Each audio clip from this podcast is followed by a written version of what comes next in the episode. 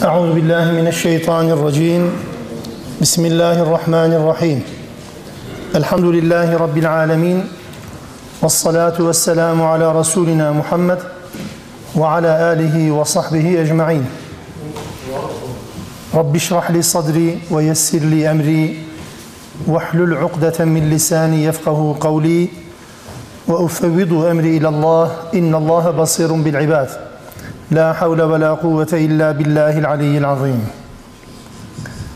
Alemlerin Rabbi olan Allah'a hamdü senalar olsun. Onun Resulüne, al ve ashabına, ehli beytine salatü selam olsun. Allah'ın rahmeti, bereketi, mağfireti, selamı ve selameti hepimizin üzerine olsun inşallah. Nahl suresinin son ayetlerini okuyacağız. Rabbim güzel anlatmayı, güzel dinlemeyi ve gereğiyle amel etmeyi lütfetsin inşallah. 123. ayetteyiz. İbrahim Aleyhisselam'dan söz eden, İbrahim Aleyhisselam'ın tabi hayatından, tebliğinden, davet çalışmalarından değil, sahip olduğu özelliklerden, Allah tarafından övgüye layık görüldüğü özelliklerinden söz edilen bir bölümdü. 123. ayetten birkaç ayet öncesine gidip buraya gelelim. Şöyle demişti Allah Teala. İnne İbrahim kâne ümmeten qâniten lillahi hanifen ve lem yekun minel müşrikin. İbrahim Hakka, İslam'a ve hakikate yönelen, Allah'a kulluk yapan, itaat eden bir önder, tek başına bir ümmet idi. Allah'a ortak koşanlardan değildi. Şakiran li en'umih. Allah'ın nimetlerine şükreden birisiydi. İctebahu ve hedahu ila sıratı müstakim. Ve Allah onu seçmişti, peygamber olarak göndermişti, görevlendirmişti ve onu dost doğru yola da iletmişti İbrahim'i demişti Rabbimiz. 122. ayette de fid dünya haseneten ve innehu fil ahiretine mines salihin biz ona dünyada iyilikler hasene verdik. Yani vahiy, yani peygamberlik, yani hayırlı evlat, yani övgüyle anılmak gibi veya bütün namazlarda Muhammed Aleyhisselam'ın ismiyle birlikte tahiyyatta anılmak gibi güzellikler verdik dünyada. Ahirette de bu İbrahim salih kullar arasında olacaktır denildi. 123. ayete gelindiğinde Allah Teala Allah Resulü'nün kendisine hitap ederek der ki sümme uhayna ileyk. Sonra sana şöyle vahyettik. En ittebi' millete İbrahim'e hanife ve ma kâne minel müşrikin bir önceki ayetlerde de bu ifade geçmişti. Hanif İbrahim müşrik olmayan İbrahim ifadeleri. Dolayısıyla Hakk'a yönelen İbrahim'in dinine tabi ol o müşriklerden değildi. Tıpkı daha önce İbrahim'le alakalı anlatılan özellikler, seçilmiş olmak, hanif olmak, hakka tabi olmak, şirkten tamamen uzak bir hayat yaşamak, Allah'ın nimetlerine şükretmek, Allah'ın dünyada kendisine fazilet verildiği bir insan olarak anılmak. Bütün bu özellikler, bunların tamamı senin içinde geçerli olduğuna göre ikinizin ortak noktası bu. O zaman sen de İbrahim'in dinine tabi ol diye aleyhissalatü vesselama Rabbimiz hitap etti. Bu hitap aslında peygamberi rehber ve önder olarak kabul eden Müslümanlar için de önemli bir nokta, müşrikler için de önemli bir uyarı. Yani Muhammed Aleyhisselam'ın tabi olduğu din İbrahim'in dinidir. İbrahim'in diniyle Muhammed Aleyhisselam'ın sizi davet ettiği din arasında temel ilkeler açısından hiçbir fark yok. Dolayısıyla Muhammed Aleyhisselam'ın tabi olduğu din bu. Bu dine uymayan bütün inançlar sadece ve sadece şirkten ibarettir. Ne İbrahim müşrikti ne de aynı dine mensup olan Muhammed Aleyhisselam. Bu ayeti kerimede ve Kur'an-ı Kerim'de biliyorsunuz millet kelimesi hani zaman zaman burada bu dersleri işlerken şöyle bir şablon cümle kullanıyoruz ya. Kur'an-ı Kerim'de kullanılan bir kavram Türkçe'de de kullanılıyorsa aynı telaffuzda aynı ifadelerle Türkçe'de de kullanılıyorsa o iki kelimenin aynı anlam olmaması sebebiyle orada bir anlama problemi var. Kesinlikle. Yani hem Kur'an millet diyor mesela bu kelime üzerine gidin. Kur'an-ı Kerim millete İbrahim diyor. İbrahim'in milleti. Biz de Türkçe'de millet kelimesini kullanırız. Yani halk yani ulus anlamında bunu kullanırız. Oysa Kur'an-ı Kerim'in millet dediğiyle bizim millet dediğimiz aynı değil. Tamamen farklı. Kur'an-ı Kerim'de millet kelimesi daima istisnası yok bunun. Daima din, inanç anlamında kullanılır. Ve daha çok da İbrahim Aleyhisselam'la birlikte zikredilen yerlerde kullanıldığını görüyoruz. Dikkat çekicidir. Millete İbrahim gibi İbrahim'in dinine tabi ol. O da müşriklerden değildi. Tabi burada İbrahim'in dinine tabi olma emri aslında bütün teferruatlarıyla mı İbrahim Aleyhisselam'ın ibadet, taat, helal, haram konusundaki bütün ölçüler üzerinden İbrahim'in dinine tabi olma emri mi? Elbette değil. O yüzden kullanılan mesela İbrahim'in şeriatına değil de İbrahim'in milletine, inanç sistemine uy anlamında olunca putlardan uzaklaşmak şeklindeki inanç konusunda İbrahim'e uy. İbrahim nasıl putlardan uzak bir inanç yaşadıysa sen de o şekilde putlardan uzak bir inanç yaşa veya hac ile uygulamalar, hac menasiki dediğimiz hac ile ilgili uygulamalar konusunda İbrahim'in milletine, dinine uy anlamında.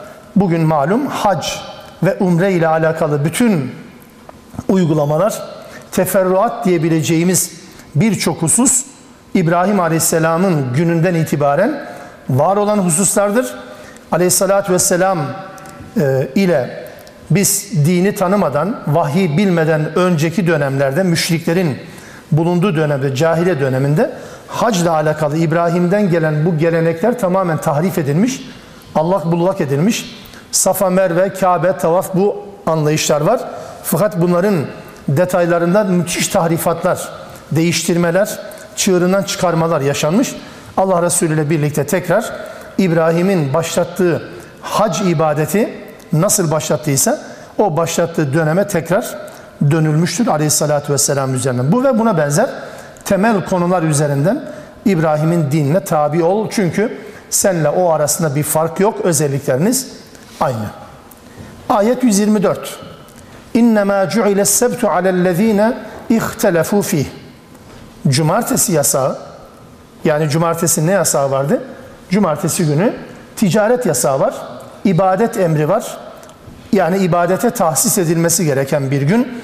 O anlamda ticaretin ibadete tercih edilmemesi gereken bir zaman dilimi. Allah Teala öyle bir yasak koymuş, ticaret yasağını koymuş. İşte bu cumartesi yasağı sadece o günün hürmetine uyup uymama konusunda, o günün saygınlığını dikkate alıp almama konusunda anlaşmazlığa düşenlere bir ceza olarak emredilmişti cumartesi yasağı. Evrensel bir yasa değil. Yani öteden beri ve ondan sonra kıyamete kadar da sürdürülecek olan bir yasak değil elbette cumartesi yasa. Evrensel nitelikte bir yasak değil. Hele ki İbrahim Aleyhisselam'ın inanç sistemiyle de cumartesi yasağının bir alakası elbette yok. Ve bunun üzerine ihtilafa da düştüler. Cumartesi yasağı konusunda o dönemin, o dinin, inancın muhatapları ihtilafa düştüler. Olmalı mı, olmamalı mı? Uyulmalı mı, uyulmamalı mı? Gerçekten saygın mı, değil mi konusunda muazzam ihtilaflara düştüler. Her biri bir tarafa çekti meseleyi. Peki çözebildiler mi? Hayır. İnne rabbeke la yahkumu beynehum yevmel kıyameti fî mâ kânû fî yehtelifûn. Rabbin kıyamet gününde anlaşmazda düştükleri konularda elbette aralarında karar verecektir. Hükmünü verecektir. Dünyada birbirlerine düştüler. Bir türlü kafaları netleşmedi. Her biri bir taraftan baktı meseleye. Oysa kıyamet günü Allah Teala aralarında bu kararı verecektir. Cumartesi yasağı Kur'an-ı Kerim'in birçok ayetinde Araf suresine biraz daha detaylı ama birçok ayetinde de sadece o günün o günün hürmetine e, saygısızlık yapmaları sebebiyle Allah Teala atıfta bulunur ve Yahudilerin tarihinde bugün elimizdeki Tevrat'ta olmayan bugün elimizdeki Tevrat'ta olmayan sadece Kur'an'ın deşifre ettiği bir olay olarak Allah Teala bize bildirir. Cumartesi yasağını ihlal etmeleri ve sonuçta cezalandırılmaları, maymunlaştırılmak suretiyle cezalandırılmaları e, bu konu Kur'an-ı Kerim'de anlatılır ve Tevrat'ta yer verilmeyen bir konudur aslında. Bu cumartesi ile alakalı çok detaya girmeyeceğim ama Allah Teala özellikle bir ibadet gününün tahsis edilmesi konusunda aslında mesela bizde de nasıl ki cuma günü özel bir ibadet günü olarak tahsis edilmişse elbette böyle bir ibadet günü diğer din mensupları içinde, diğer ilahi din mensupları içinde söz konusu edilmiş. Onlar bu konuda ihtilafa düşmüşler, netleştirememişler.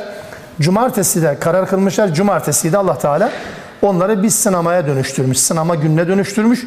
Cumartesi günü balık avlamanın yasaklandığı bir gün ama balığın gel fazlaca geldiği bir gün cumartesinin dışında balık avlamanın serbest olduğu ama balığın ya hiç olmadı ya da çok az olduğu insanların gözünü ve gönlünü dolduracak türden olmadı bir gün.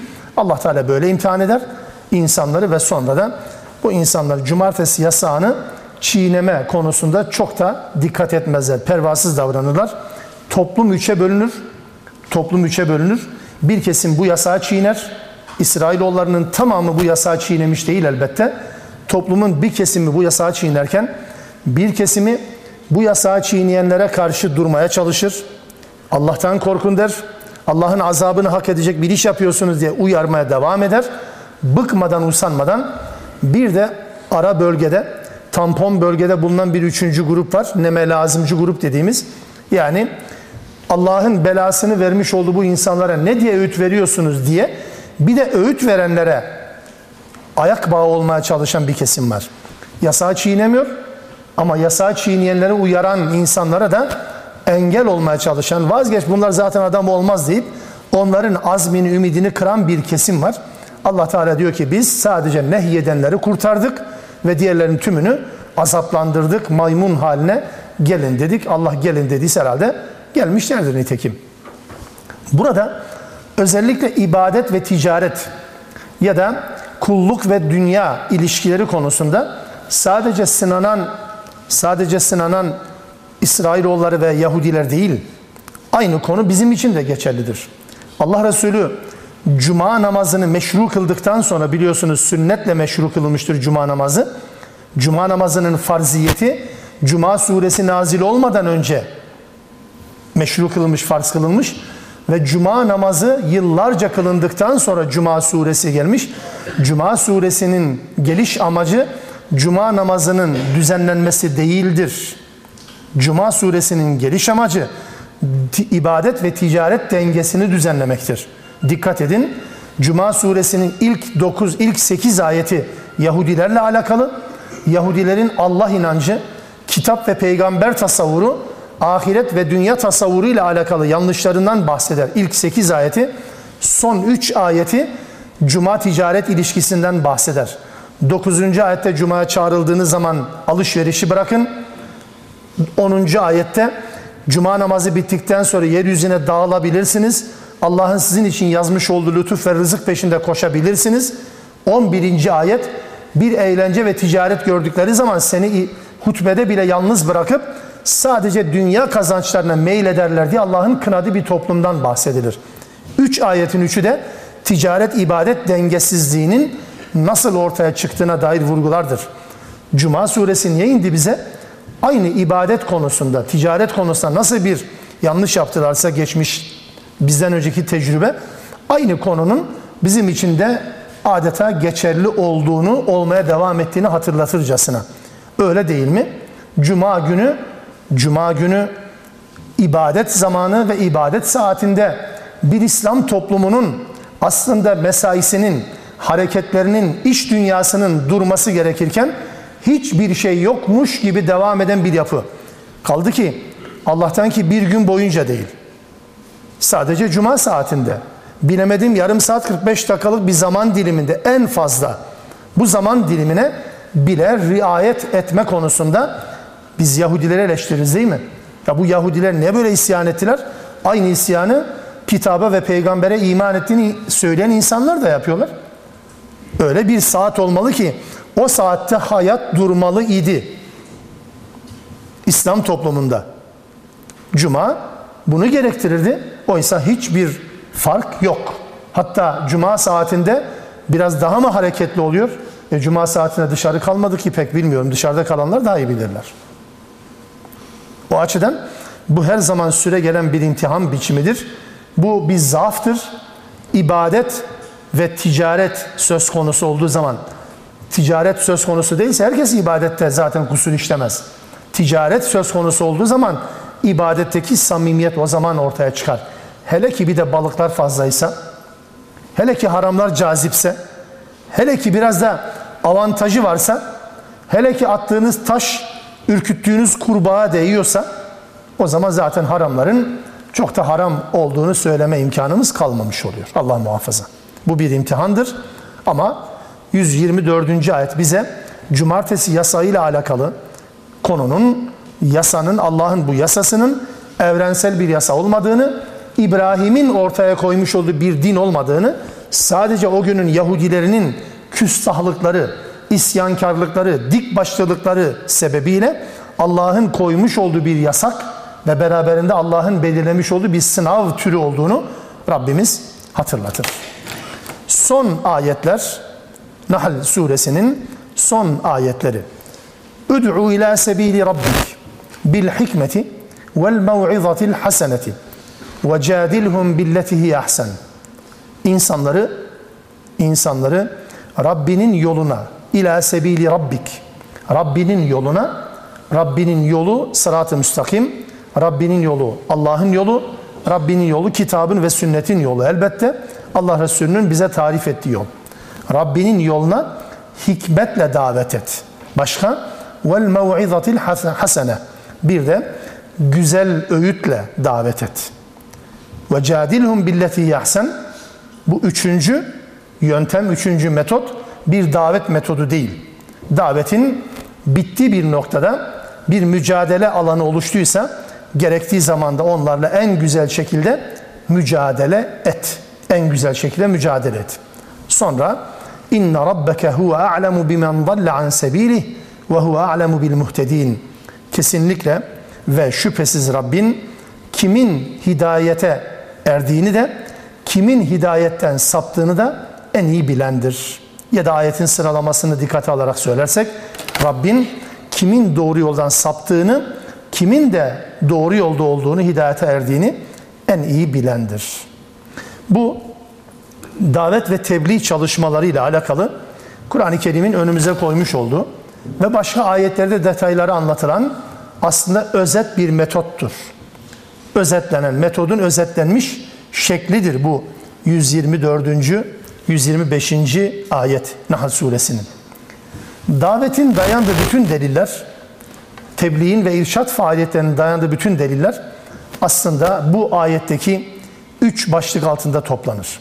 Yaptığınız bütün davet çalışmaları, bütün irşat faaliyetleri bu üçünden birisiyle mutlaka ilişkili olmak durumundadır. Bir, ya tartışmasız doğru bilgiyle ve inanç sağlayan kesin delil ile davet edilir ki hikmettir. Bunu meal olarak yansıttığım cümleye dikkatini çekmek isterim. Aslında hikmet sözde sağlamlık, davranışta tutarlılık ya da söz amel uygunluğu. Söz amel uygunluğu ya da niyet eylem uygunluğu anlamında da bunu söyleyebiliriz. Hikmetle davet et. Kesin bilgi, kesin ve doğru bir bilgi, doğru bir inanç ile davet et hikmetle. İki, kesin bilgi olmasa bile zanni işaretlere yani hurafe değil bu.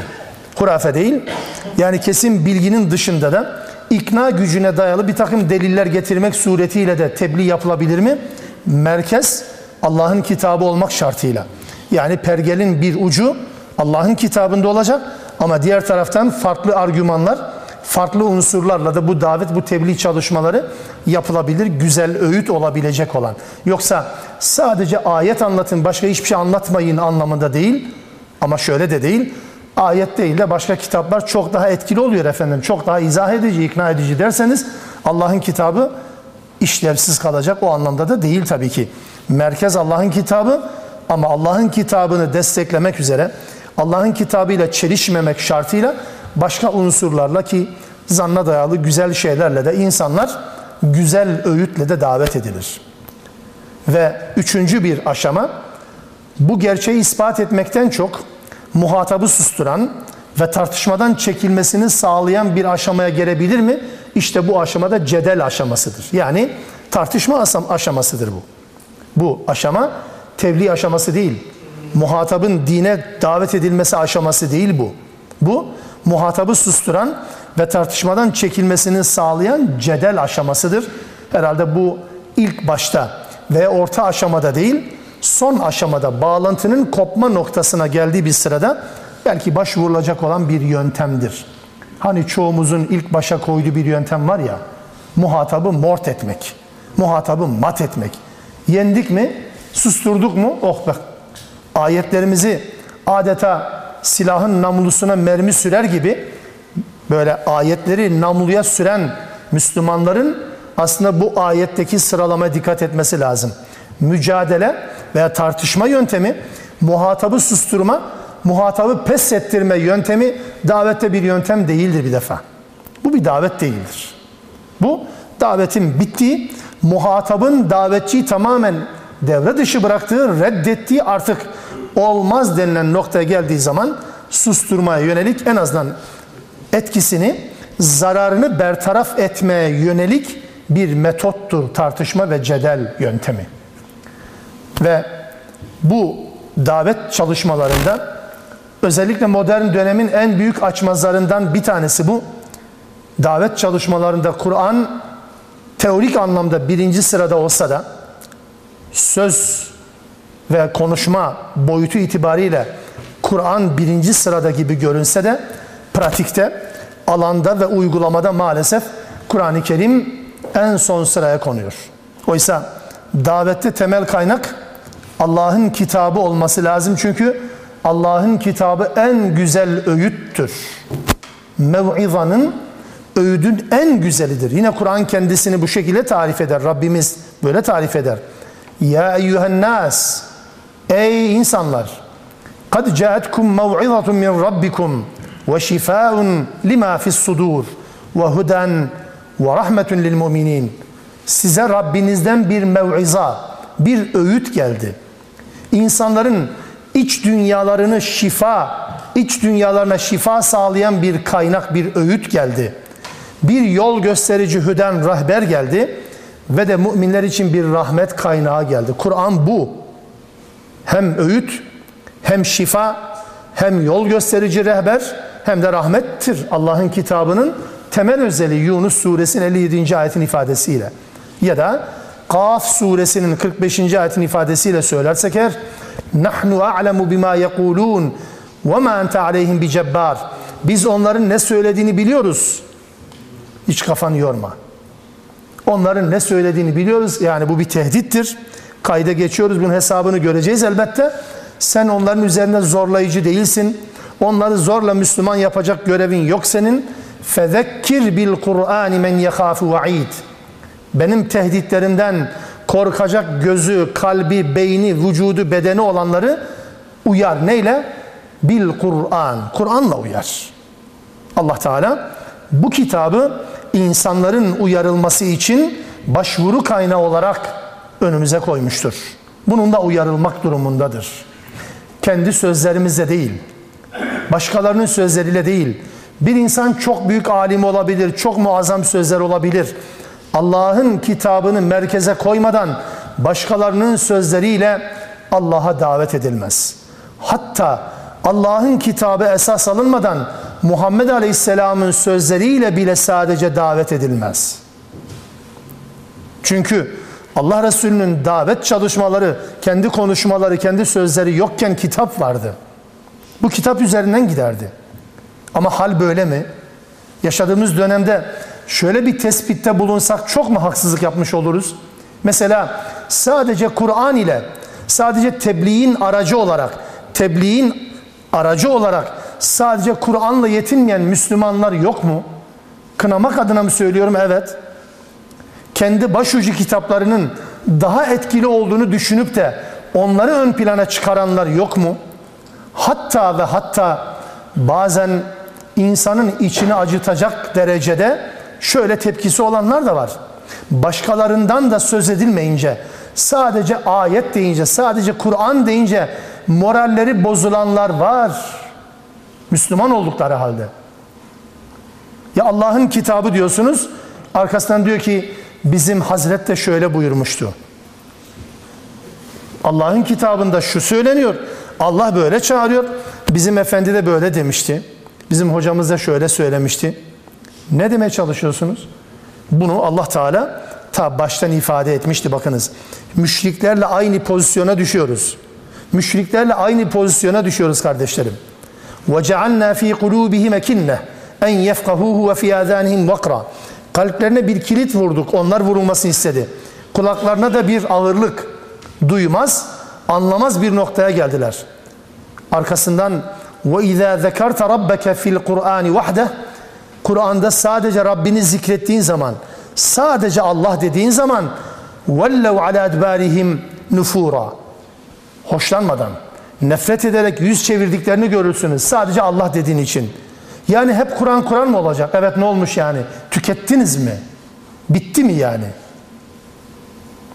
Ne zaman sıra gelecek de hiç lazım olmayan surelere, hiç bu toplumda okunmayan ve kusura bakmayın ama hala inmemiş olan surelere ne zaman sıra gelecek mesela? Bu tip insanlar hala var. Bu sadece dünün müşriklerini tasvir eden bir ayet değil herhalde. Mesela Zümer suresine ne dersiniz 45. ayete? وَاِذَا ذُكِّرَ اللّٰهُ وَاِذَا ذُكِرَ اللّٰهُ وَحْدَهُ اِشْمَأَزَّتْ قُلُوبُ الَّذ۪ينَ لَا يُؤْمِنُونَ بِالْآخِرَةِ Sadece Allah denildiği zaman, Allah'ın yanına hiçbir şey konmadığı zaman bir bakıyorsunuz o ahirete iman etmeyenlerin kalpleri burulur, moralleri bozulur. Ve izâ zükirellezîne min dûnihi izâhum yestebşirûn. Başkaları da Allah'la birlikte zikredildiği zaman, Allah reddedildiği zaman değil. Başkaları da Allah'la birlikte zikredildiği zaman müstebşirun ya da yestebşirun müjde alır gibi sevinirler. Aa bizden de bahsetti gibisinden. Allah'ın kitabı neye yetmiyor?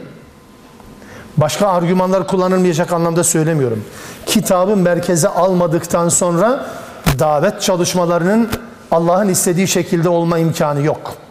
Davet Kur'an'a değil de insanların kendi kanaatlerine ise, kendi düşüncelerine ise, kendi yapılarına ise, kendi cemaatlerine ise, kendi oluşturdukları kitap ve kaynaklara ise o zaman ne olur biliyor musunuz? Davet iki ihtimal var. Ya kabul edilir ya reddedilir değil mi? Kabul edilen Allah'ın kitabı değil, reddedildiği zaman da reddedilen de Allah'ın kitabı değil.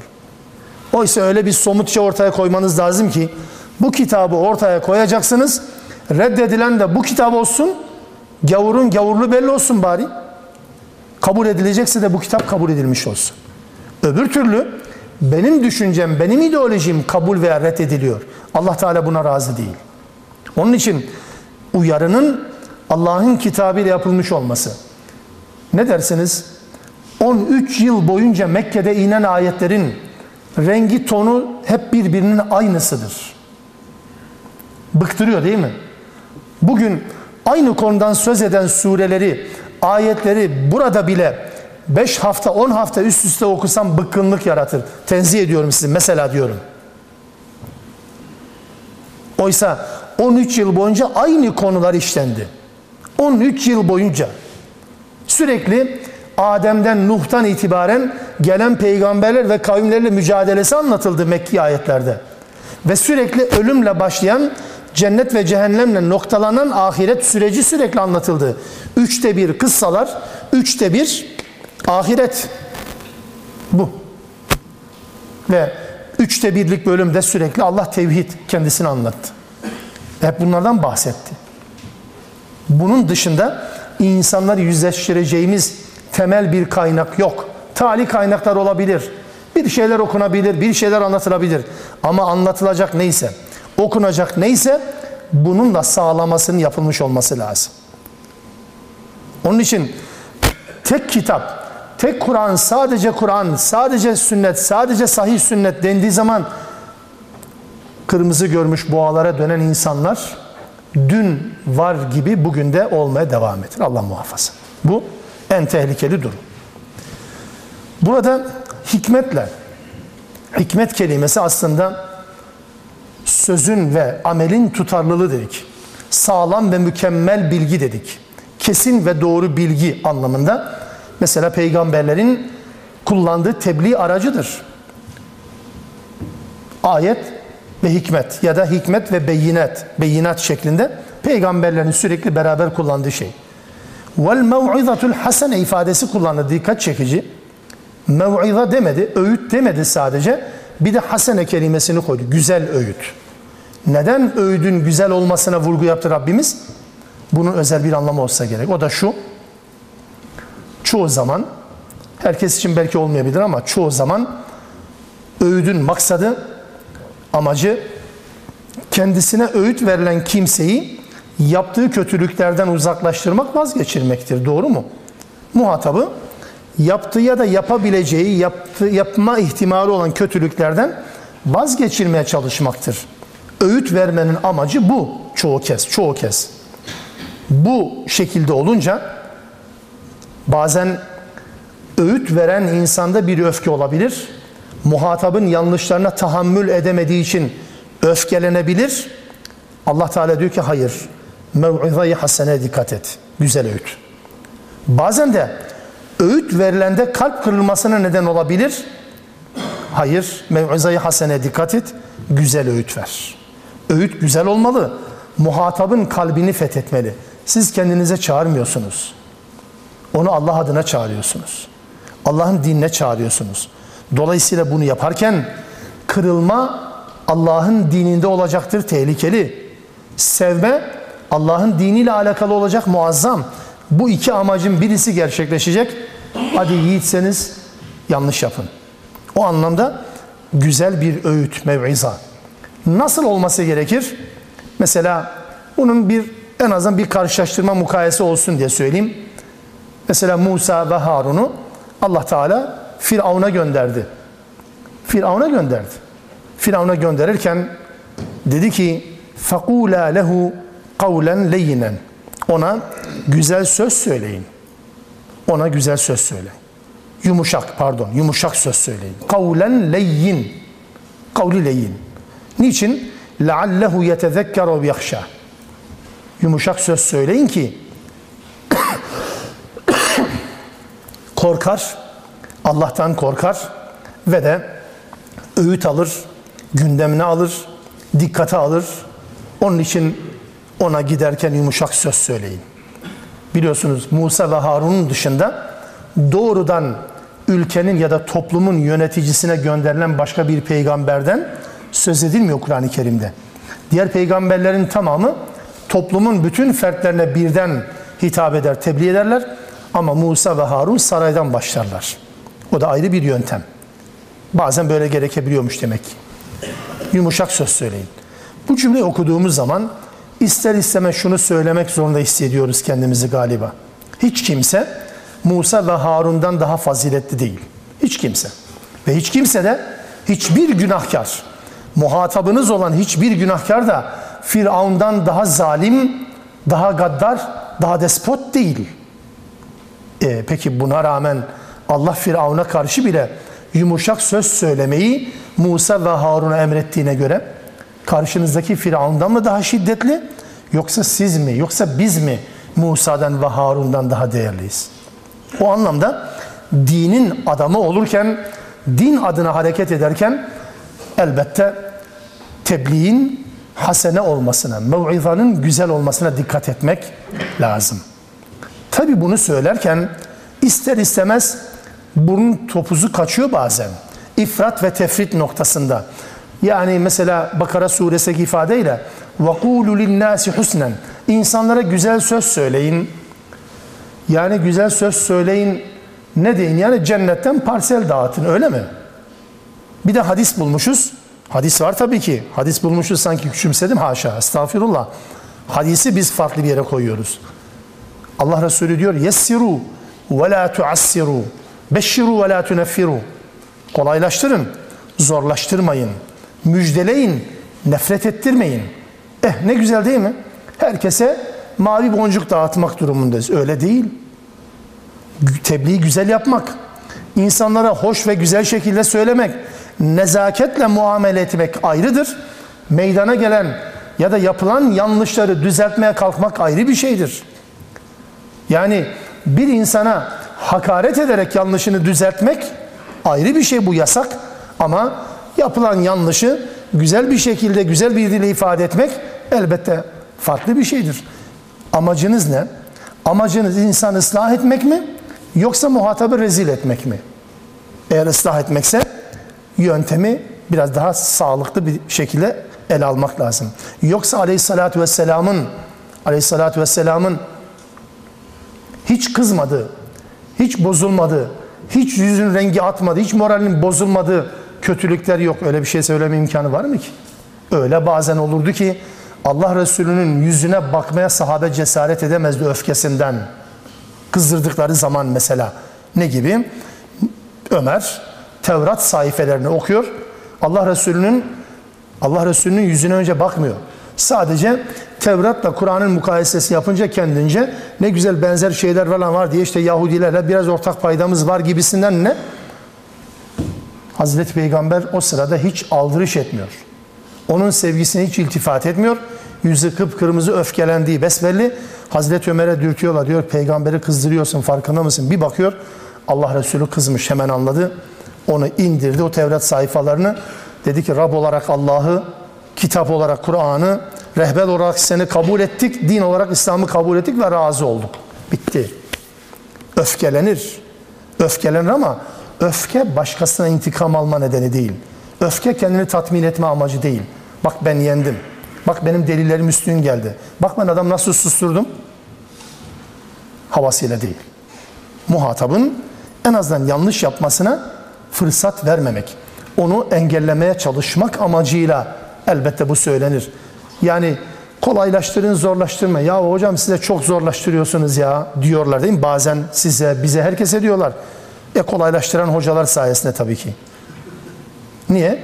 Çünkü herkesin kendi kafasına göre fetva verecek hocalar bu memlekette çok.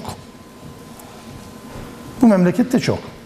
Sabahleyin iki tane kardeşimiz geldi. Lise, biri lise mezunu, biri liseyi son sınıfta. Biri yönlendirmiş herhalde.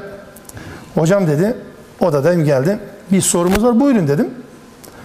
Hocam dedi biz Haziran'da sınava gireceğiz. Soru da zaten anlaşıldı. Bu cümleyi söyleyince anlaşıldı. Tabi kibar, hoş delikanlılar. Endişeler var ki soruyorlar zaten. Evet dedim. E dedi oruç tutmamak için acaba mazeret olabilir mi? Vallahi dedim şöyle bir, bir gün gidin Ramazan'da birkaç saat bir fırıncıda fırının yanında birkaç saat oturun. Fırıncının ekmek yaparken pişirirken haline bir bakın ondan sonra siz de karar verirsiniz muhtemelen dedim. Sizinki mazeret mi değil mi diye. Sonra izah ettim çocuklara dedim bakın yavrum bak ben size desem ki yasaktır tutmanız lazım mutlaka tutmanız lazım derim siz benden sonra da birine sorarsan o da der ki ya bir şey olmaz sizin hayatınızdır, geleceğinizdir. Tabi geleceğiniz cennet cehennem değil. Bu dünyadaki gelecekle alakalı istikbal. Bunu ayarlayacaksınız çünkü hayat memat meselesidir. O yüzden yani bir gün tutmasan da olur diyen hocalar bulabilirsiniz dedim.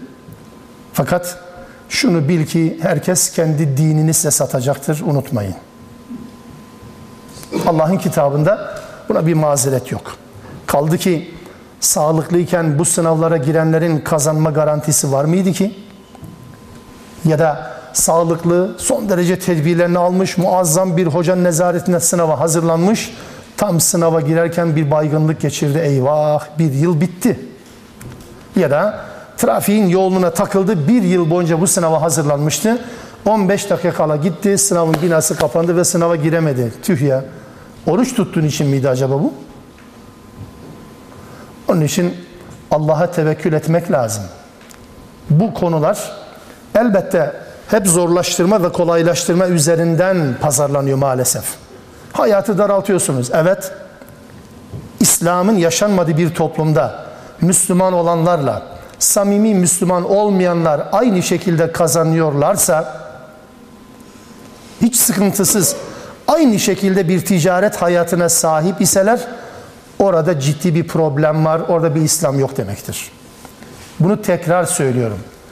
İslam'ın kurallarının yaşanmadığı bir toplumda samimi olanlarla samimi olmayanlar aynı düzeyde, aynı derecede bir ticaret hayatına sahipse, aynı düzeyde bir kazanma anlayışına sahipse orada ciddi bir inanç problemi var demektir. Olmamalı mı? Tabii ki olmamalı. Müslüman başkası gibi kazanamamalı. Müslüman başkası gibi yapamamalı. Yani Allah'ın çizdiği sınırlardan bahsediyorum. Keyfi anlamda söylemiyorum. Dinin kendi içerisinde kuralları varsa istediğiniz kadar kullanın. Allah Resulü bir konuda bir konuda en kolay görüş varsa o görüşle amel ederdi. Bu sünnettir. Allah Resulü'nün uygulamasıdır. Dört tane seçenek var. En kolayı neyse seç. Bunda bir problem yok. Ama dinin kendinden olsun. Rahip ve hahamlardan olmasın. Rahiplerinize ve hahamlarınıza sorarsanız dün sizi Tonga düşürdükleri gibi bugün Tonga düşürmeyecekleri ne malum? Düne kadar değişik kurumların hakemliklerini yapan insanlar yıllar sonra 15 Temmuz geldiğinde pardon diye önünüze çıkanlar ne biliyorsunuz bugün bir daha pardon dedirtmeyeceklerini? Demek istediğimi anlatabildim mi acaba? Din oyuncak değil kardeşler. Kolay, kolaylaştıracağız derken çığırından çıkarma hakkınız yok. Müjdeleyeceğiz derken hepsini söylemeye gerek yok. Din çok güzel bir dinimiz var. İslam'dır, barıştan türemiştir. Sahtekarlık yapmaya gerek yok. Allah'ın avukatlığını yapmaya da gerek yok. Bu dinin barıştan söz eden ayetlerinden çok savaş ve savaş hazırlıklarından söz eden ayetleri yok mu? Nereye koyacaksınız bunu? Varsın birileri desin ki bu din savaş dinidir. Bu din savaşçı din değildir. Bu din savaştan yana olan bir din değildir. Ama bu din iddiası olan bir dinse muhatapların bu dini ortadan kaldırma çabaları kıyamete kadar devam edecekse bu dinin buna yönelik tedbirleri var ve kendisine inananlara önce canını feda etmesini bileceksin der. Budur. E bunu da söylemeyecek. Ondan sonra diyeceksiniz ya bizim dinimiz çok güzel bir din. Sürekli barıştan bahseder. Yalan. Sahtekarlık yapma gerek yok. Müjdeleyeceğiz derken tamamen dini tahrif etme hakkınız yok hiç kimsenin. Şu da yok tabii ki. Böyle insanları sok sok cehenneme çıkar. Şunu yaptın cehennem. Ya biraz da cennetten bahset be Müslüman. Cennet diye bir şey yok mu ya? Denk geldiği zaman söyleyeceksiniz. Dolayısıyla bu kolaylaştırın, zorlaştırmayın, müjdeleyin, nefret ettirmeyin. Evet Allah Resulü'nün hayat ilkesi, hayat düsturu. Fakat insanların buna yükledikleri anlam farklı. Davet konusunda, dine başkalarının davet konusunda şöyle bir mukayese yapsam acaba yanlış mı olur diye düşündüm. Mesela bazen görürsünüz, görürüz değil mi piyasada? Tüccar, esnaf, herkes için söylemiyorum. Bir müşteri gelir, aman Allah'ım ya zannediyorsun ki yıllardır tanıyor, halbuki tanımıyor. İlk defa geliyor dükkana, hani geldi bir daha kaybetmeyeni, bir daha gelsin, bir daha gelsin diye önüne iyilikler, rükûa secdeye kapanır, buyurun efendim der. Hatta hakaret bile kızarsa bile tabi tabi efendim der. Hakaret ediyor sana ama esnafsın mecburen müşteri kazanman gerekiyor. Galiba din konusunda böyle bir pazarlama tekniği olması lazım. Din konusunda aynen böyle bir pazarlama tekniği olması lazım. Müşteri kazanmak veya kaybetmemek için başvurulan bu yöntemlerin kullanılan üslupları yani bir mukayese belki doğrudan bir mukayese doğru olmayabilir ama ne demek istediğimi anlatabiliyorum umarım. Birisini İslam'a kazandırmak için bu fedakarlıklara katlanmamız lazım. Çünkü biz dükkanımıza müşteri kazandırmıyoruz. Bizimle birlikte cenneti paylaşacak adama ihtiyacımız var. Onun için yöntemi kendi kafamıza göre düzenleme, oluşturma imkanımız yok. Hikmetle ve güzel öğütle davet. Arkasından üçüncü bir yöntem, davet yönteminden ziyade belki farklı bir açı. وَجَادِلْهُمْ بِالَّتِهِ يَحْسَنْ En güzel şekilde mücadele. Davette bir metot değildir bu. Davetin bir metodu değil mücadele. Mücadele ayrı bir şeydir. Davetçinin muhatap tarafından reddedildiği, dışlandığı, yani deyim yerindeyse gemilerin yakıldığı durumlarda takip edilecek yöntemdir. Bitti artık. Su bitti, deniz bitti. İşte burada mücadele. Bu mücadeleye girerken bile mücadelenin vasfı hiye ahsen. Yine güzel. Müslümanın mücadele tarzıyla Müslüman olmayanın mücadele tarzı aynı değil. Allah'ın kitabıyla, Resulün sünnetiyle hayatını bezemiş olan bir Müslümanın mücadele tarzıyla diğer mücadele tarzı bir olmaz. Olmamalı zaten.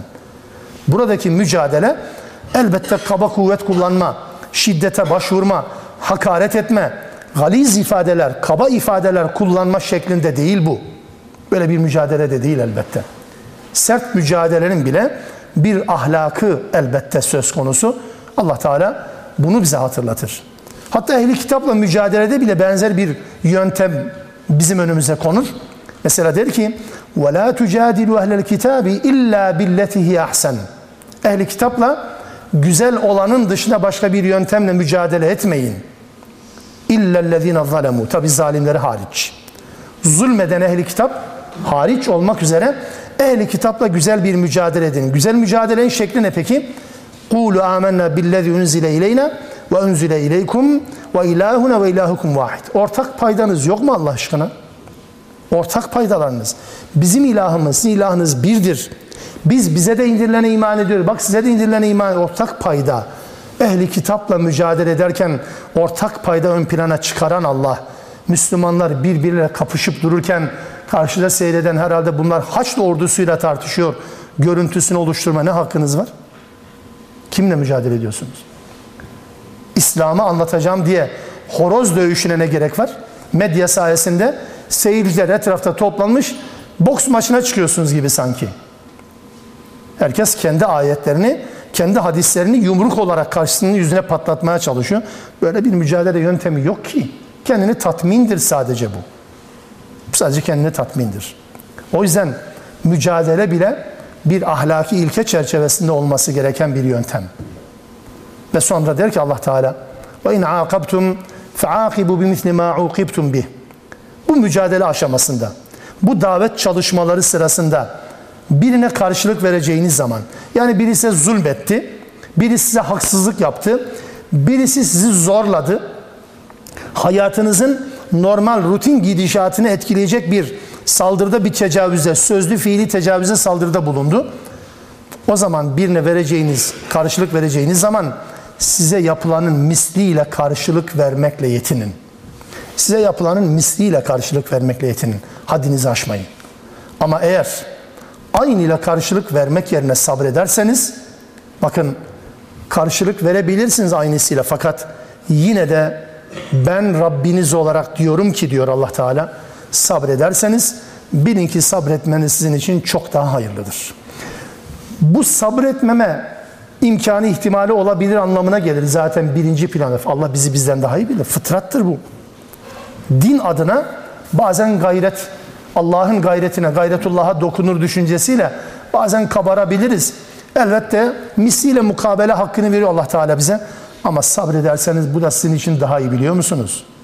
Karşılık verirseniz karşılık vermiş olursunuz. Sıfır sıfırdır. Ama sabrederseniz nedir? Hanenize katsayılar yazılacak. Çünkü sabrettiniz. Çünkü nefsi davranmadınız. Nefsinizi ön plana çıkarmadınız. Benzeri bir ayeti mesela Şura suresinde Allah Teala şöyle ifade eder.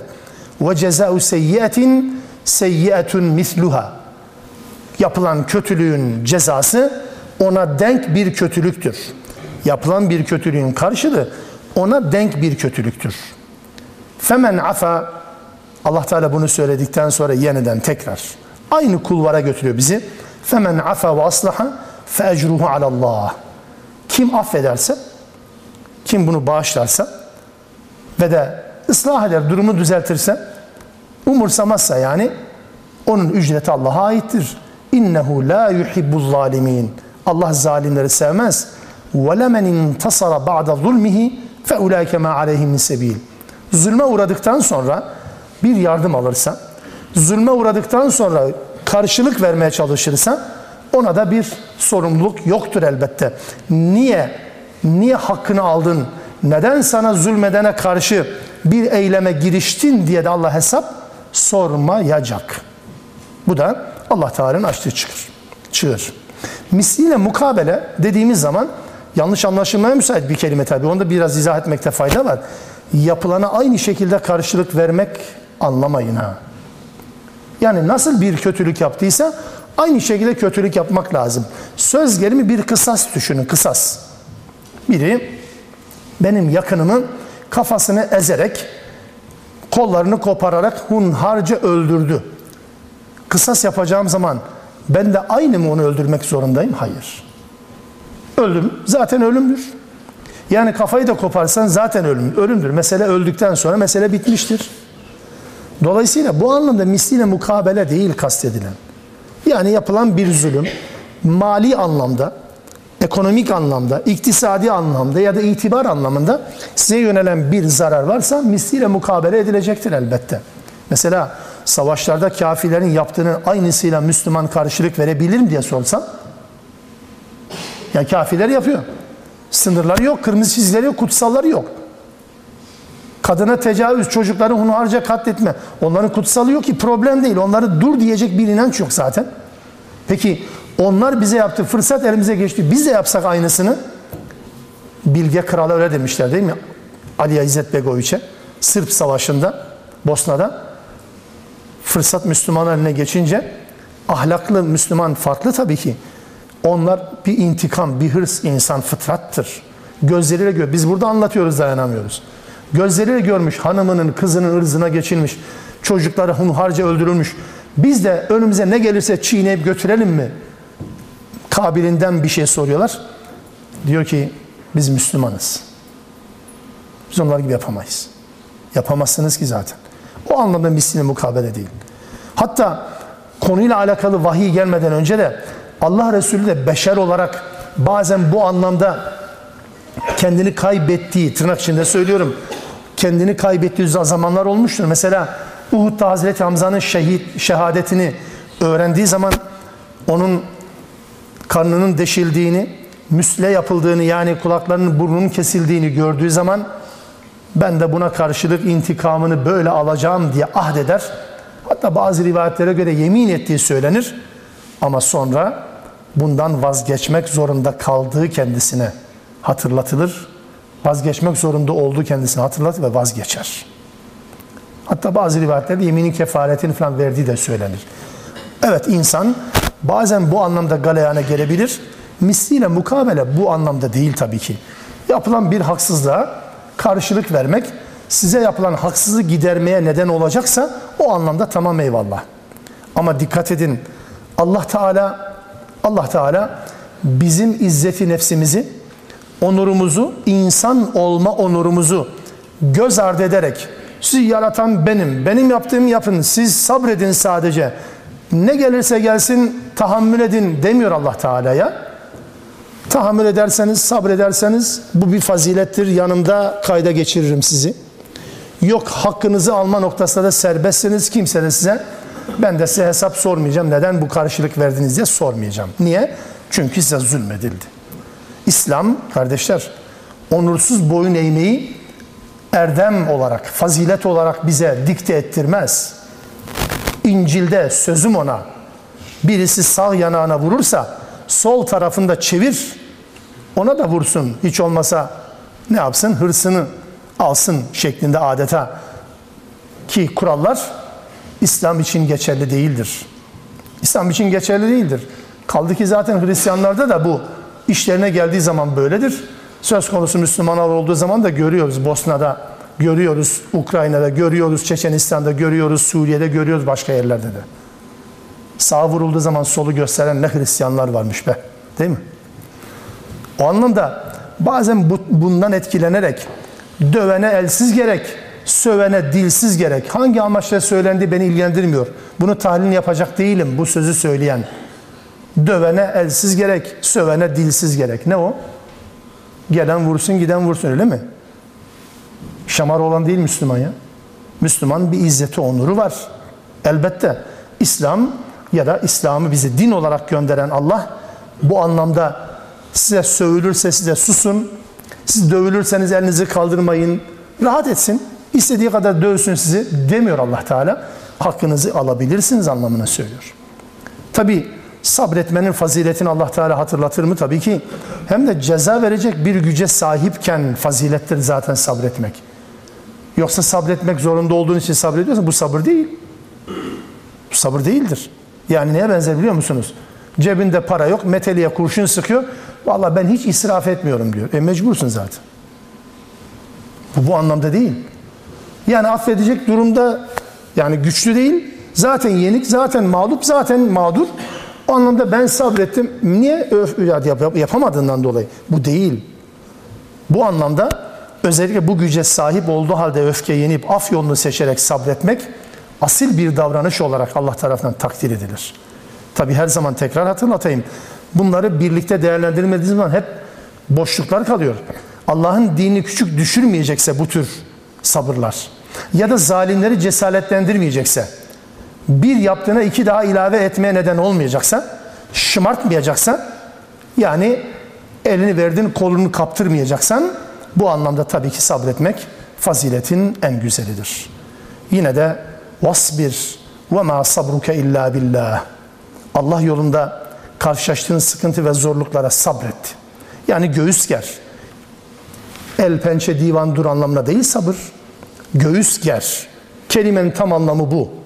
Diren, değişme. Seni değiştirmeye çalışanlara hiçbir zaman pes etme bu anlamda ve bil ki sana sabretme gücünü, direnme gücünü, göğüs germe gücünü veren sadece Allah'tır. Ve la tahzen aleyhim ve la teku fi fi dayqin mimma. Müşriklerin, kafirlerin, din düşmanlarının sana yaptıklarına da üzülme. Onların kurdukları tuzaklardan dolayı da özellikle seni bertaraf etmek için, seni ve inancını etkisiz hale getirmek için kurdukları tuzaklardan dolayı da hiçbir zaman daralma. İçin daralmasın. Senin kaybedeceğin bir şey yok. Sadece 50 yıllık dünya hayatını kaybediyorsun. Ebedi hayat senin. Öbürün de kaybettiği çok şey fazla var. Onun için sabret. İnna Allah ma'allezine ettekav vellezine hum muhsinun. Her cuma hutbenin sonunda bu cümle hatırlatılır bize. Şüphesiz Allah müttakilerle yani kendisine karşı gelmekten sakınanlarla yani Allah'ın rızasını kaybetmekten korkan yani Allah'ın gazabını hak etmekten korkan ve sakınanlarla ve de muhsinlerle yani Allah'ı görür gibi kulluk yapanlarla.